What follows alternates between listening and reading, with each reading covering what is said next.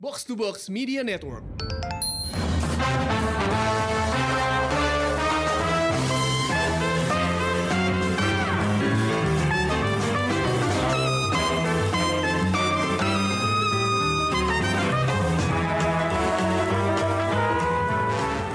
Jumpa lagi di Showbox Podcast dengan gue Lisa dan kali ini gue ditemenin sama salah seorang staff writer di Asumsi yang juga sering nulis tentang film buat Jurnal Ruang, buat Magdalene juga gitu ya. Eh, halo Permata Dinda, hai. Halo Mbak Lisa, apa kabar? Apa kabar Din? Minal Iya, aizin baik, wal baik. faizin, lebaran. Nah, Lo lebaran nonton nonton, Wal nonton film gak sih? Atau Wah, lo ini aja? Cuman kayak sekilas-sekilas aja? Kalau lebaran sih belum nonton apa-apa sih. Hmm. Gue tadi malam sebelum eh, pas abis segala silaturahmi pakai Zoom itu selesai, gue nonton series baru gitu. Eh, judulnya Inhuman Resources yang main Eric Cantona. Eh, Eric Cantona yang dulu atlet bola itu. Oh wow. Iya, dan itu menarik banget cuman 6 episode eh, bahasa Prancis tentang eh, sebuah eksperimen HRD yang sangat eh, sebenarnya nggak manusiawi seperti judulnya gitu. Jadi kayak seru banget tapi belum selesai nonton sih. Cuman eh, lumayan seru gitu karena itu Hmm. jadi kayak a heist gone wrong gitu deh. Seru-seru. Jatuhnya mini series berarti ya namanya. Iya mini series dan nggak tahu ya gue lagi suka banget mini series yang pendek-pendek gitu jadi nggak nggak nggak effort gede gitu loh buat Mm-mm. nyelesain kayak kalau udah 8 atau 10 episode tuh gue langsung kayak ah males gitu.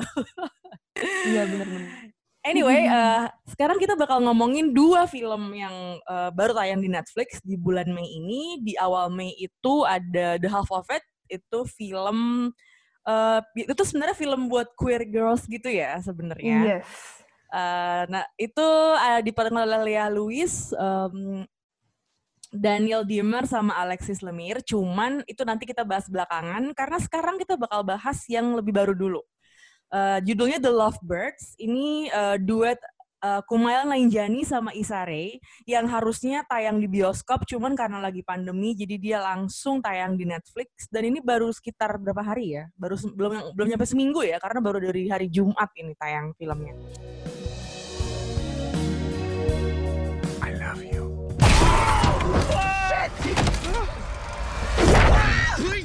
He's a criminal! Move, move,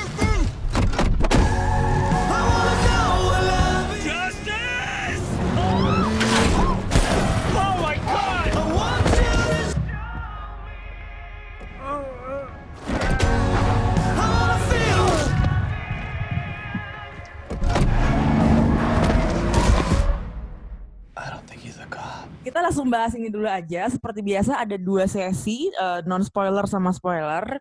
Eh, kalau buat non spoiler kita mulai aja sekarang. Gue bacain eh, ininya ya, gue bacain eh, premisnya gitu. Jadi ini ceritanya dua eh, seorang pasangan, dua orang nih si Gibran sama Leilani. Eh, mereka ini pasangan yang hubungannya lagi pahit-pahitnya gitu. Jadi mereka berantem soal hal sepele lah gitu. Terus eh, karena berantem mulu, jadi mereka kayak nyadar, aduh gue kayaknya kita kayaknya udah nggak sejalan lagi nih. Jadi kita eh, putus aja deh gitu. Cuman setelah Mm. putus, tepat setelah putus, tiba-tiba mereka terjebak sebuah aksi kriminal gitu ya. Jangan kita kasih tau dulu nih aksi kriminalnya. Eh, ini melibatkan karakter misterius yang namanya cuman eh, kumis ya, mustache eh, sama bicycle gitu.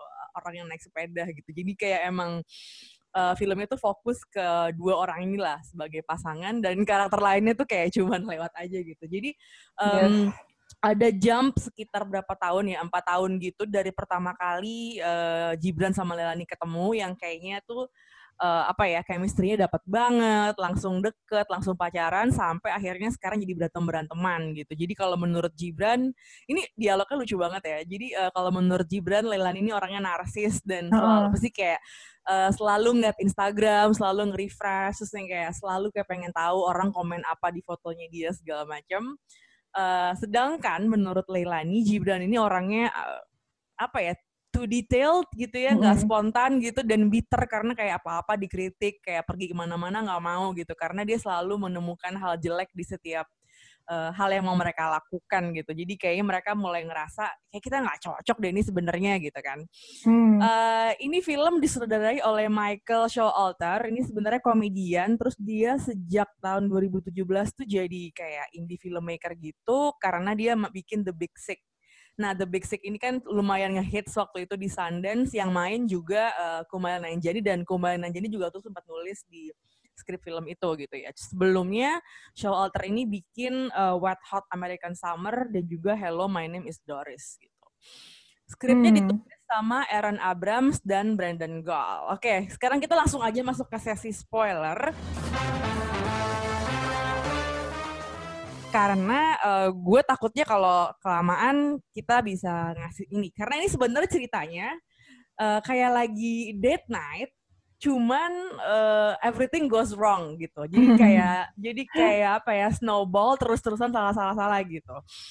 Uh, gini aja din. Uh, kalau gua kalau menurut lo uh, film ini gimana nih? Si The Lovebirds-nya Kumail Nanjiani sama Isare sebenarnya ini termasuk yang fresh banget kali ya ketika hmm. ditonton di tengah pandemi yang uh, bikin orang-orang pada frustrasi dan uh, mungkin stres dan sebagainya gitu dengan plotnya yang juga menurutku lumayan nggak biasa gitu dipertemukan ketika mereka sedang mau putus dan tapi nggak jadi putus karena spoiler ada orang yang ke mobil mereka dan lain-lain gitu dan akhirnya itu yeah. karena diperankan oleh dua orang non kulit putih juga jadi mereka bisa hmm. banyak uh, mengeksplorasi hal-hal yang dekat dengan gimana sih kondisi mereka sebagai minoritas di situ gitu jadi uh, ketika mereka nabrak orang terus mereka nggak bukan nabrak sih ya sebenarnya gimana mbak? uh, dia, Agak... mereka tuh lagi diem aja gitu kan, uh, iya. terus terus kayak saling lihat-lihatan. Biasa deh itu kan tipe adegan yang bikin gue kesel ya kalau nonton film film-film film apa pun lah nggak cuma Hollywood doang gitu. Jadi ada pasangan saling ngeliat-lihatan tapi lagi kayak nyetir gitu gitu kan. Uh, uh, nah, terus uh. nabrak. Ya iyalah nabrak kayak maksudnya di mana-mana tuh logikanya kalau lagi nyetir lo ya kayak ngetek ke depan bukan ngutuk pasangan lo gitu. Itu kayak uh, menurut yeah. gue itu kayak a jab to that kind of uh, scene yang sering banget lo lihat di film-film romantik eh film-film uh, rom, rom, romance lah ya. Uh, cuman ini di ya udah sekali aja ditabrakin gitu kan. Mm -mm, terus nabrak orangnya malah lari bukannya minta tanggung jawab gitu. Iya, padahal dia lagi naik sepeda dan dia tuh lumayan berdarah-darah ya, oh, dan itu lumayan kelihatan uh, dia tuh terpental gitu, uh, jauh gitu ya. Itu kayak logikanya kalau lo kena tabrak kayak gitu sih lo nggak bisa langsung kabur gitu. Tapi mungkin karena uh, mentalnya dia lagi mau melarikan diri dari orang lain, uh, ya udah, uh, jadi dia langsung kabur dan belum selesai shocknya datanglah si polisi satu lagi uh, seorang karakter polisi yang gebrak-gebrakin uh, mobil mereka gitu. Eh, gue polisi nih. I need your car. Terus I need to chase this guy. Terus mereka cuma seperti biasa ya kembali jadi sama Isara itu kan karakternya sebenarnya karakter orang-orang cupu polos gitu kan. Jadi kayak hah? Oh, mau butuh mobil kita? Ya udah deh gitu kan. Mereka kayak pasrah malah kembali nantinya pindah ke belakang gitu. Gue yang kayak ya oke okay, gitu. Gak ada defensive sama sekali gitu ya kayak gue iya. kayak, film ini menurut gue highly enjoyable. Lumayan gue suka banget ngeliat chemistry-nya uh, Kumbal Nanjani sama Isare. Iya, Dan gue tuh kayak sebenarnya uh, kangen film-film mid budget gini, kangen tuh film-film yang kayak romcom. Tapi sebenarnya kalau dipikir-pikir ini bukan romcom ya, ini tuh lebih kayak action komedi gitu kan. Ini mengingatkan gue ke film Game Night, Date Night. Tuh nggak kalau Game Night tuh yang Jason Bateman sama Rachel McAdams. Terus kalau Date Night tuh yang Steve Carell sama Tina Fey. Oh iya iya. Iya gitu. iya. iya. Jadi kayak uh -huh. satu malam yang semuanya tuh salah gitu. Padahal uh, dan itu cuma fokus ke mereka berdua aja gitu, ke hubungan uh, ke hubungan dua orang gitu. Mm -hmm. Uh, kalau lo gimana Din? Lo lo kangen gak sih nonton film-film mid budget gitu dan menurut lo kayak film kayak action komedi gini tuh fit innya tuh di mana ya? Uh, nonton ini juga karena tentu saja ada Kumail Nanjani. Aku nonton The Big. Sick awalnya gitu. Uh, kalau The Big Sick itu intinya tentang pasang orang juga yang sedang pasangan Kumail Nanjani dan si uh, perempuannya ini dan mereka ter apa ya terhambat oleh uh, kepercayaan dan kultur masing-masing yang berbeda gitu ke mana jadi mm -hmm. ini Memang ini ya bagian kalau mereka nih non-white gitu ya, interethnic couple lah ya. Jadi yang satu Asia, yang satu uh, kulit hitam gitu ya. Itu tuh kayak jadi uh, main drive uh, dari kenapa mereka tuh uh, dari jalan ceritanya bergulir gitu. Jadi hmm. mereka tuh begitu terjebak suatu kegiatan kriminal, mereka tuh lari gitu. Bukannya malah lapor polisi atau malah melakukan hal-hal yang harusnya masuk akal gitu. Karena mereka yakin banget kalau mereka lapor polisi malah mereka bakal dikira bersalah gitu karena memang keadaannya nggak nggak nggak memungkinkan untuk membuktikan kalau mereka tuh nggak bersalah gitu tapi iya, betul. Um, kayak mereka misalnya gini ada adegan tuh mereka baru keluar dari apa sih supermarket ya ketika mereka ganti baju itu mm -hmm. dan itu ada mobil patroli lewat dan mereka kan kayak diliatin gitu kan sama polisinya yang kebetulan karakternya kulit putih gitu mm -hmm. mereka tuh yeah. semuanya kayak freeze gitu kayak takut dan kayak yakin banget nih mereka bakal dia papain sama polisi dan ternyata cuma cuma lewat begitu aja gitu jadi kayak emang apa ya kayak itu kayak uh, little touches yang menurut gue emang menggambarkan mungkin kondisi di Amerika kayak gitu gitu. Mm -mm. bener banget sih. Jadi main drive-nya emang karena identitas mereka gitu. Mereka nggak bisa ke mana-mana. Dan itu jadi sesuatu yang make sense aja di ceritanya. Oh iya sih mm. emang mereka uh, gimana mau ke polisi pasti ditangkap juga. Kayaknya sih emang kayak gitu situasinya gitu. Jadi yeah, yeah, yeah. hal yang paling mungkin dilakukan yang melarikan diri aja sih gitu. Dan dan mereka jadi ngerasa butuh untuk ngetrack si pembunuhnya gitu buat kayak kita perlu ngebuktiin nih kalau kita tuh nggak salah gitu. Jadi makin nggak yeah. masuk akal gitu cara berpikirnya gitu kan. Karena mereka yakin dan begitu di endingnya karena begitu keta masuk di ketangkap polisi gitu ya mereka tuh kaget banget ketika mereka tahu tuh mereka bukan suspek gitu kan. Jadi kayak itu sesuatu hal yang emang baru sih gue lihat di layar gitu ya. Uh, ketika karakter yang uh, apa ya POC gitu lah people of color gitu mereka ternyata terbukti Eh, nggak uh, bersalah gitu itu memang hal yang cukup baru sih dilihat di uh, layar gitu. Dan uh, menurut lo gimana Din terkait si per pertemuan rahasia orang-orang yang pakai masker uh, itu? Yang yang akhirnya ada orgi party di panggung. Wah, itu itu uh, mengingatkan pada film Ice White Shot-nya Stanley Kubrick banget ya. Hmm, Cuma iya, akhirnya bener. dibikin jadi parodi gitu. Hmm, itu menurut lo gimana parodi kayak gitu? Maksudnya kayak emang do you think it's intentional kayak gitu? Menurutku mungkin semacam jadi referensi aja kali ya, tapi uh, di, dikemas jadi komedi menertawakan situasi di situ di mana orang-orang memakai uh, penutup mata cuma bisa bikin cuma bisa melihat orang-orang orgi gitu. yeah. Terus gue tuh ngeliat dan itu tuh sampai uh, segitunya uh, apa sih namanya skandal sampai orang-orang tuh mesti banget nutup matanya dan ketika uh, nutup mukanya dan ketika uh, ketahuan sama polisi itu tuh sampai akhirnya itu tuh yang ngedrive bunuh-bunuhan di sana gitu. Lucu. Iya, iya, iya. iya. Eh, itu menurut gue uh, suatu referensi yang menarik banget ya ketika yeah. ada di film kayak gini gitu ya. Mungkin uh, kayak biar nggak ini mereka ya udah kita parodiin aja nih film Ice White Shot-nya ini gitu kan. Mm -hmm. uh, cuman itu kayak menurut gue juga ada hubungannya dengan karakter mereka yang interetnis karena kalau lo lihat anggota-anggotanya tuh yang di pertemuan rahasia itu mm. uh, ya itu mereka kebanyakan orang kulit ya. putih. Ya Mm -mm, gitu kebanyakan white people. Jadi uh -huh. kayak emang ini sebenarnya kan sebenarnya kulit putih ya cuman karena yang mainnya interetnis gitu jadi kayak mereka kayak lo perhatiin gak sih orang-orang kulit putih ini kelakuannya sungguh aneh-aneh? gitu. Jadi kayak emang uh, menurut gue itu itu tujuannya gitu ada adegan kayak gitu terus diparodiin. Nggak tahu sih bener atau enggak itu cuman kayak that's how I read the scene gitu. Cuman kalau kita ngomongin nggak sukanya nih din uh, lo nggak sukanya di mana? Kalau kalau karena kalau gue Uh, mm-hmm. gue tuh agak-agak gak menikmati slapstick violence sebenarnya. Jadi itu kalau komedi yang slapstick terus agak-agak terlalu uh, violent gitu ya, gue agak-agak nggak tahu nggak menikmati aja gitu. Kalau lo gimana din? Mungkin karena kalau violence sih mungkin nggak apa-apa, cuma hmm. uh, jalan ceritanya yang ya udah akhirnya sampai situ aja. Memang ini tuh walaupun filmnya bukan dibuat khusus untuk Netflix sebenarnya, tetapi akhirnya jadi film yang khas Netflix banget gitu. Yang, Gimana tuh film yang khas Netflix?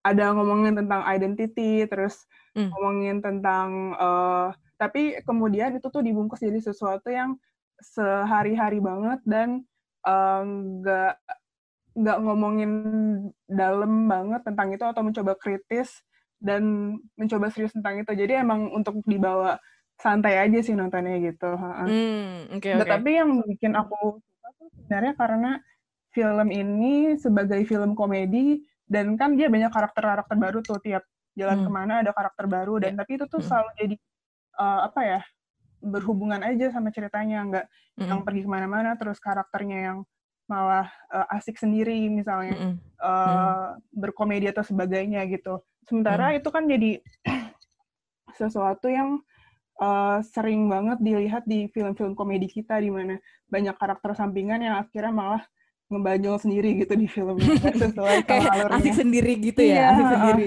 uh, uh, ngomongin okay, isu baru di luar itu gitu. Oke okay, oke okay, oke. Okay. wah itu menarik juga sih kalau dibandingin sama film kita gitu ya. Yeah. uh, cuman kalau gini gue tuh ngerasanya ya karena gue suka banget ketika anak camp yang jadi Eddie itu anak camp tuh uh, mm. yang main di Pitch Perfect yang jadi siapa tuh? Yang muntah itu lah ya. Gue lupa namanya siapa.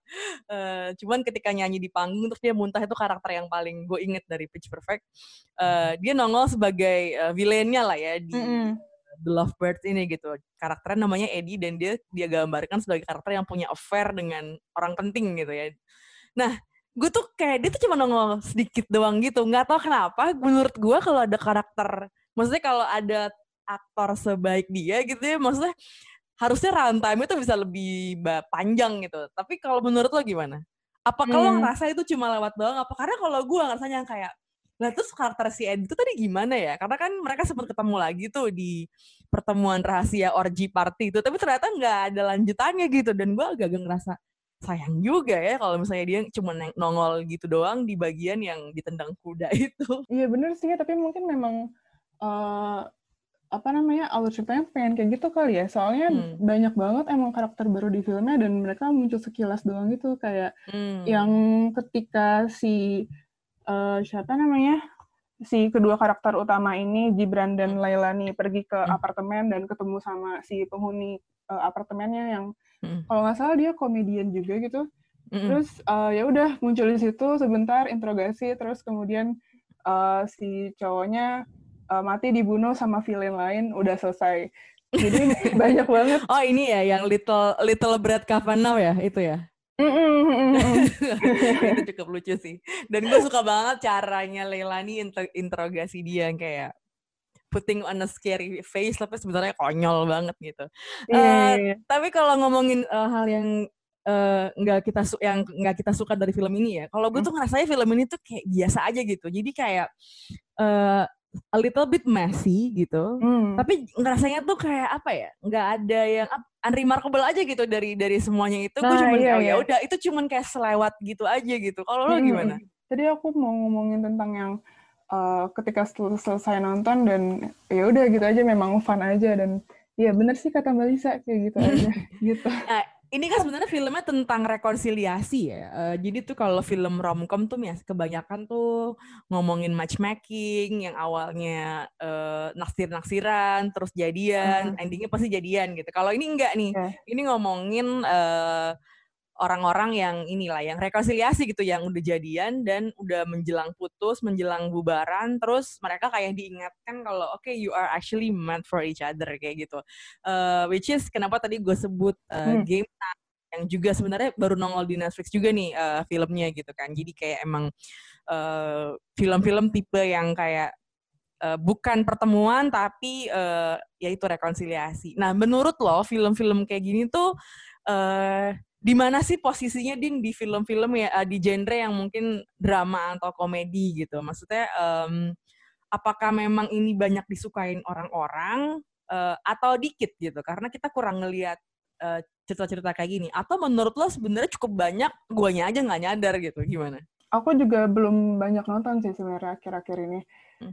Tapi kalau ngelihat dari gimana dia premisnya sendiri yang bukan di bagian uh, PDKT-nya, kemudian berakhir dengan happily ever after gitu. Tapi mulai dari sisi uh, kon, uh, di pertengahan relationship mereka, terus kemudian mulai konflik dan uh, apakah nantinya ada rekonsiliasi atau enggak itu itu sebenarnya jadi pendekatan yang segar kali ya karena hmm, hmm. Uh, di saat ini mungkin yang uh, premis yang sebelumnya tadi aku sebut yang tentang cita-citaan itu mungkin sudah yeah. mulai mencapai titik jenuh dan mungkin mm. mulai mesti ada pendekatan-pendekatan lain gitu kayak mm. uh, nggak mesti tentang romantik komedi mungkin kayak kan dulu sempat ada tuh uh, triloginya Before dan ketika kita mm. nonton Before Midnight semua orang mungkin jadi kayak lah oh jadi kayak gini cerita mereka gitu mm. sementara di dua pertama itu kan sangat uh, romantis sangat yeah. Iya. uh, uh, pendekatan yang Gemes, pengen banget. kayak gitu gitu ya. Iya gitu. Tetapi ya memang realitanya akan ada yang seperti di Before Midnight ini juga hmm. gitu. Dan yeah, yeah, menarik sih ketika akhirnya sampai ke sini gitu. Wah itu contoh menarik banget tuh ketika ada trilogi Before ya, apa Sunrise Sunset, terus yang dua-duanya tuh unyu gitu kan ya. Yang pertama mm -hmm. kayak ketemu apa meet cute di kayak kereta gitu, terus akhirnya ketemu lagi uh, sampai akhirnya sama juga ya semalaman juga tuh ceritanya gitu. Oh iya benar juga. Sampai uh, akhirnya mereka nikah punya anak dan ya hubungannya udah nggak semagic uh, dulu gitu. Kalau mm -hmm. ngomongin magic kan sebenarnya itu kan yang jadi bahan jualannya film-film uh, romantis gitu sebenarnya gitu. Iya, Se jadi nggak ngomongin ngejual, uh. ya ngejual yang nggak romantis itu sebenarnya yang menurut gue challenging ya nggak sih? Mm -hmm. Ya, ya. Uh, tapi lo sempat nonton The Big Sick gak sih? Nonton, nonton dulu. Nonton ya? Menurut lo gimana? Lo suka? Uh, The Big Sick itu aku lumayan relate sih sama ceritanya gitu dan mm. uh, dari si Kumail Nanjaninya yang seorang Muslim walaupun dia di Amerika mm. ya terus mm. uh, hubungannya mereka yang mentok gitu dan uh, jadi sesuatu yang akhirnya deket aja sih sama aku walaupun beda kontinen beda mm. uh, beda ras juga Iya, iya, iya. Gitu. Ya. Gue nggak nonton The Big Sick, jadi gue nggak bisa ngebandingin uh, kolaborasi yang 2000, tahun 2017 sama yang sekarang nih, yang si The Lovebirds ini gitu kan, sutradara sama aktornya sama gitu ya. Hmm. Uh, tapi gue tuh males nonton film-film itu kan ada hubungannya sama, kan The Big Sick ya, jadi kayak deadly illness kan, itu ada hubungannya dengan penyakit kan. Hmm. Nah, gue tuh kurang nggak tahu ya dari dulu sebelum pandemi pun gue udah males gitu sama yang Deadly Illness tuh gue nggak tahu. Jadi kalau film-film kayak gitu atau kayak The Fault in Our Stars tuh gue depresi banget nontonnya karena nggak tahu gue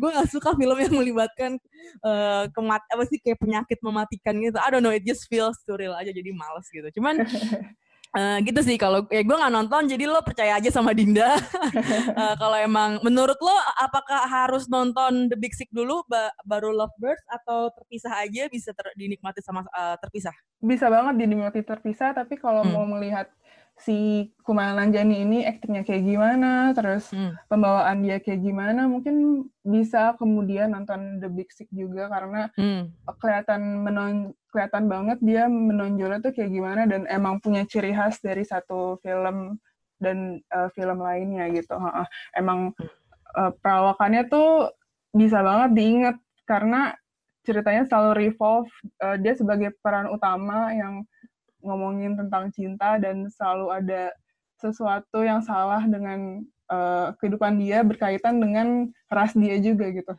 Ah, oke oke oke oke. Mungkin gue nanti akan bela-belain nonton The Big Six supaya bisa nge karena gue bener-bener ini uh, baru sekali baru sekali nonton Komail Nanjani gitu.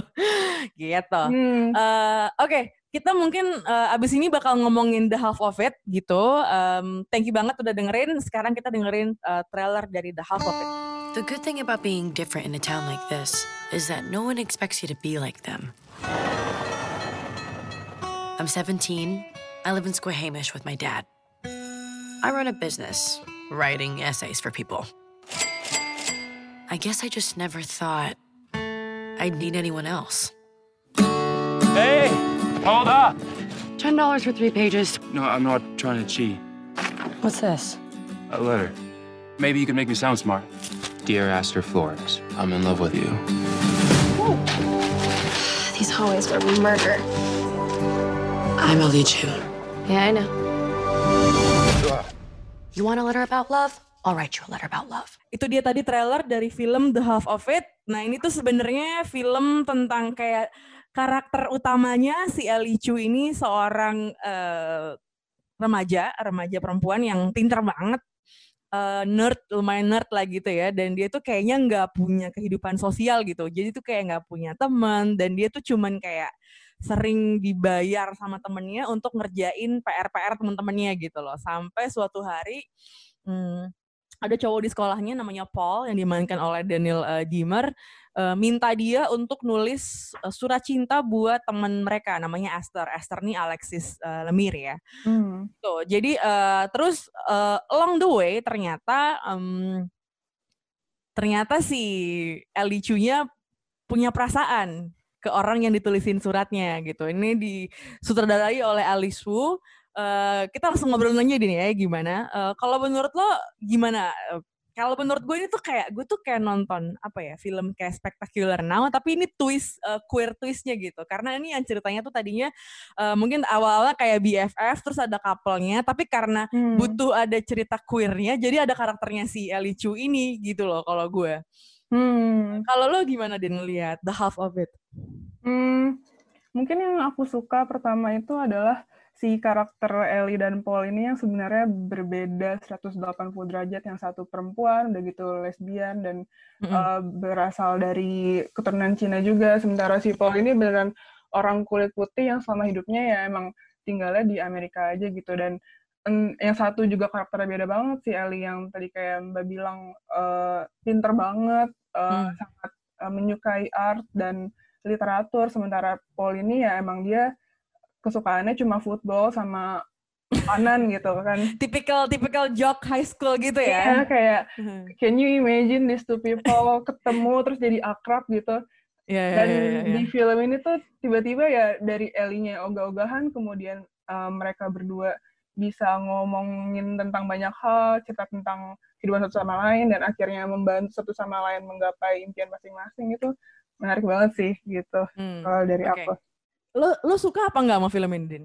Aku suka, aku hmm. suka uh, karena di awal ini mereka membuka filmnya dengan si uh, kepercayaan Greek kuno itu tentang yang si oh, okay, uh, okay. dua yeah, orang yeah. yang sebenarnya tuh awalnya tuh uh, ber apa ya nggak terpisah gitu tetapi mm. along the way mereka dipisahkan dan mesti mencari satu sama lain gitu dan itu tuh mm. akhirnya uh, sepanjang ceritanya ya memang tentang perasaan longing itu uh, si Ellie-nya ke misalnya ke Esther terus si Paul-nya juga entah ke Esther atau ke Ellie dan hmm. si Esther juga punya impiannya dia masing-masing gitu jadi ada rasa uh, kesepian mungkin yang dirasakan tapi ini sebagai anak muda yang sebenarnya mereka juga uh, apa ya uh, can figure it out sebenarnya mereka tuh sedang longing apa sih gitu jadi menarik aja sih menurutku Oke, okay. nah kalau gue tuh kurang apa ya bagi gue ini film nggak memorable gitu nggak tahu kenapa hmm. gue ngerasanya uh, memang apa ya pertama mungkin gue mengharapkan kalau ini film queer uh, lesbian gitu ya gue tuh mengharapkan ini tuh fokus aja gitu antara Ellie sama Esther gitu nah ini tuh hmm. kayaknya mereka lebih fokus ke Ellie sama Paul gitu loh jadi gue hmm. ngerasanya kayak uh, miss a little bit miss opportunity juga karena kayak kenapa juga lo nggak langsung fokus ke karakter uh, dua perempuan aja kalau lo emang mau bercerita tentang hubungan mereka gitu. Tapi mungkin ini kayak ada ininya juga kali ya ada kayak coming of age-nya juga gitu. Kayak mungkin ini baru menurut lo Ellie itu tahu nggak kalau dia tuh lesbian? Menurutku tahu sih karena dia orang yang yakin banget sama dirinya sebenarnya kalau dilihat-lihat gitu. Cuma hmm. dia emang nggak expose itu ke siapa pun aja gitu Kalo mungkin dia tahu, ya mungkin dia tahu dia lesbian, tapi mungkin dia nggak tahu kalau dia itu cinta sama si jatuh cinta sama Esther, mungkin gitu kali ya. Karena kan sempat ada adegan tuh yang dia emang lo pernah jatuh cinta itu kan yang dia sampai langsung terdiam hmm. dan ngambek tuh akhirnya. Kayak iya, gitu. Yeah, yeah, yeah. Mungkin iya lebih yeah. ke sini kali ya. Mm -mm.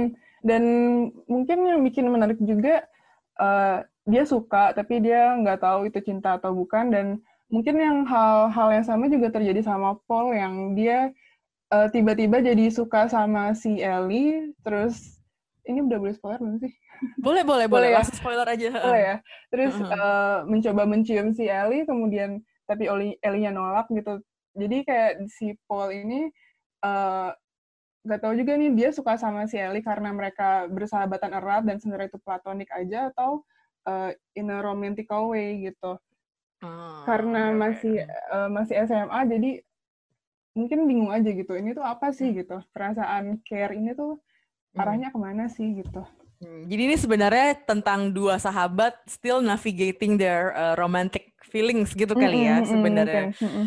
Eh, iya itu sesuatu yang nggak tahu menurut gue kurang terlalu eh, kurang menarik aja gitu Hmm. dibandingin kalau emang eh, mau cerita soal nggak tahu ya mungkin kalau orang mau misalnya mengkritik film queer kayak Call Me by Your Name gitu ya itu kan eh, banyak dikritik juga karena ya standar banget lah dua cowok kulit putih jatuh cinta apa segala macam terus yang satunya usianya lebih tua ya sebenarnya tuh lumayan eh, tipikal gitu ya eh, jadi jadi kayak seniornya gitu terus sama yang lebih muda kayak gitu-gitu kan. Hmm. Cuman it's, uh, itu kayak yang gue suka itu tuh mereka bener-bener terfokus ke dua orang itu aja gitu loh. Nggak Hmm. tahu gue agak kurang hmm, kayak menurut gue uh, dan karakter Esthernya di kalau kita mau balik ke ini lagi nih ke The Half of It lagi uh, kurang terlalu nonjol gitu karena dia tuh kayak jadi Iya, rebutan dua orang ini aja gitu loh. Jadi kayak ngerasa Hmm, apa ya ada yang ada yang kurang gitu dari cara menghadirkan karakter ketiganya ini gitu. Karakter Esther emang kelihatan nggak terlalu terolah kali ya karena Hmm. emang kelihatan perfect banget sampai nggak tahu dia ya udah gitu doang gitu satu-satunya dia terlihat human pas dia ketawa di bioskop yang kenceng banget aja itu. Ya itu. Sama gue tuh nggak terlalu ngefans dengan cara uh, sut- sutradara Alice Wu. Kayak ini ya resolu kayak third act-nya itu yang ketika mereka lagi di gereja terus tiba-tiba Ellie-nya itu kayak ngasih ya bukannya speech sih cuman dia speak out aja gitu apa yang ada di Hmm. pikiran dia gitu. Mm-mm. itu kayak nggak tau ya nggak kayak Ellie Chu aja gitu I don't know. It's not I don't I- kayak gue nggak Hmm. ngerasa itu kara- in karakter buat karakternya Ellie Chu gitu loh. Nggak tau Hmm. kalau menurut lo gimana? Iya bener sih. Aku memang mulai lah kenapa jadi kayak gini. Itu Hmm. sejak adegan di di gereja ini emang. Terus kemudian eh kan di akhirnya juga si Ellie sama Esther sempat ngomong sebentar dan akhirnya ketiganya pisah eh, jalur gitu.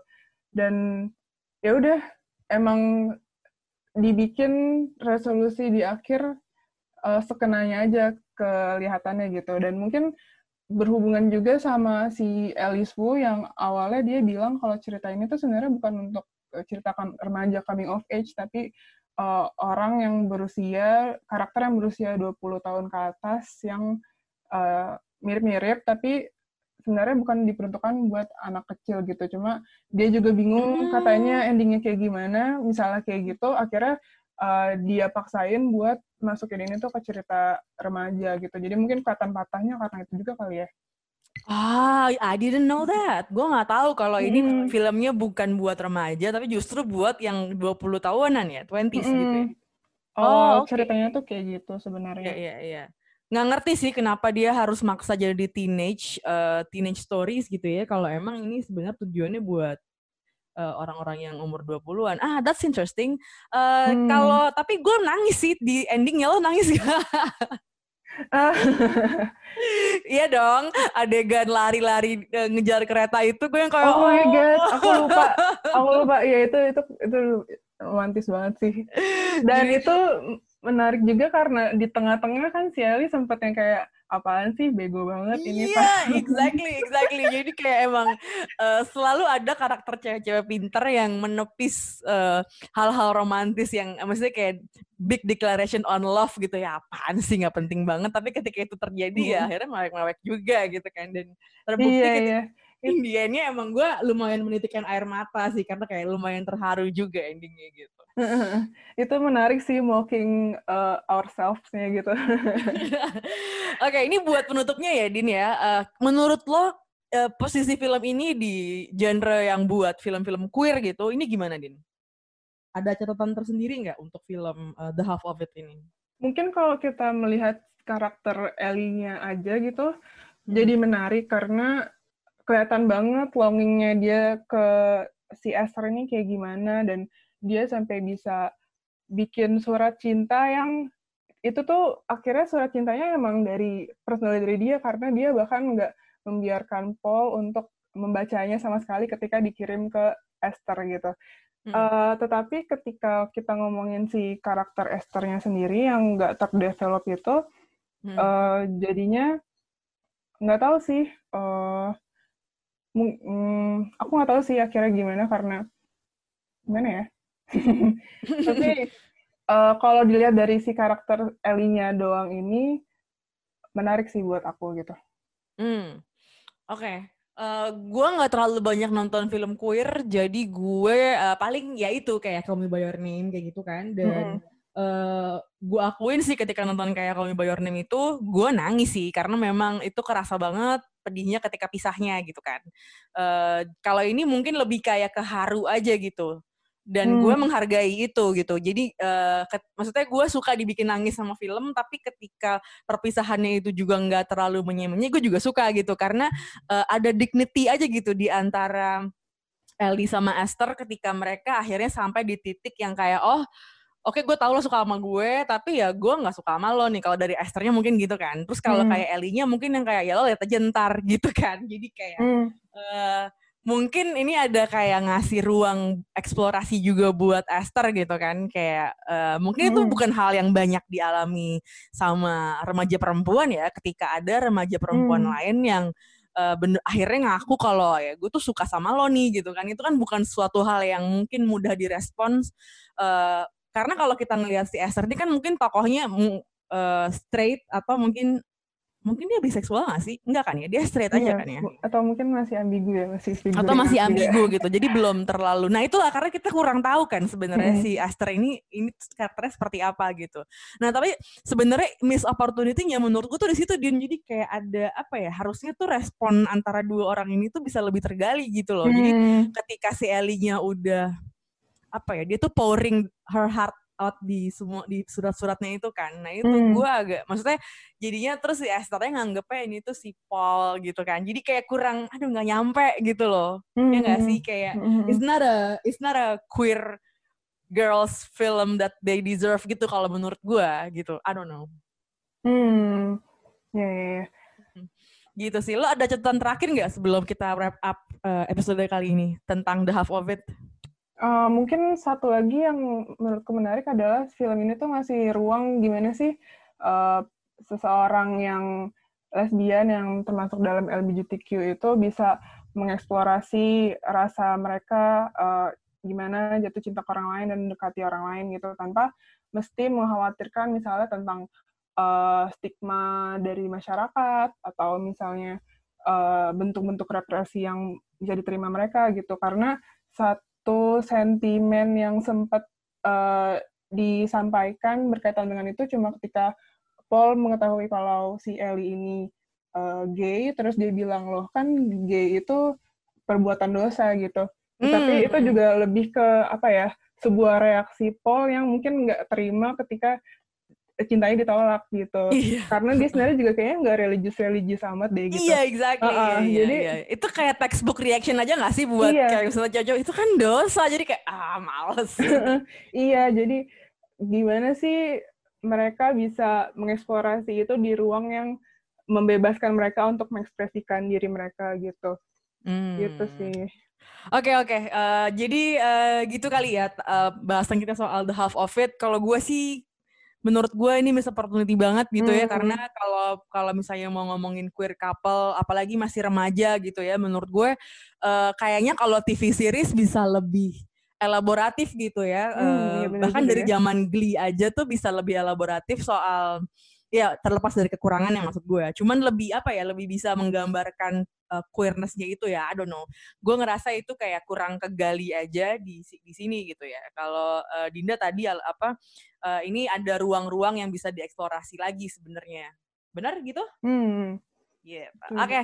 uh, Dinda thank you banget udah ngobrol, udah datang ke Showbox ngobrolin dua film langsung. Ini dua-duanya baru tayang di Netflix uh, bulan Mei ini ya, yang duluan tuh The Love, uh, The Half of It yang tayang dari awal. Kalau nggak salah 5 Mei baru tayang di Netflix dan hmm. yang terbaru adalah The Lovebirds.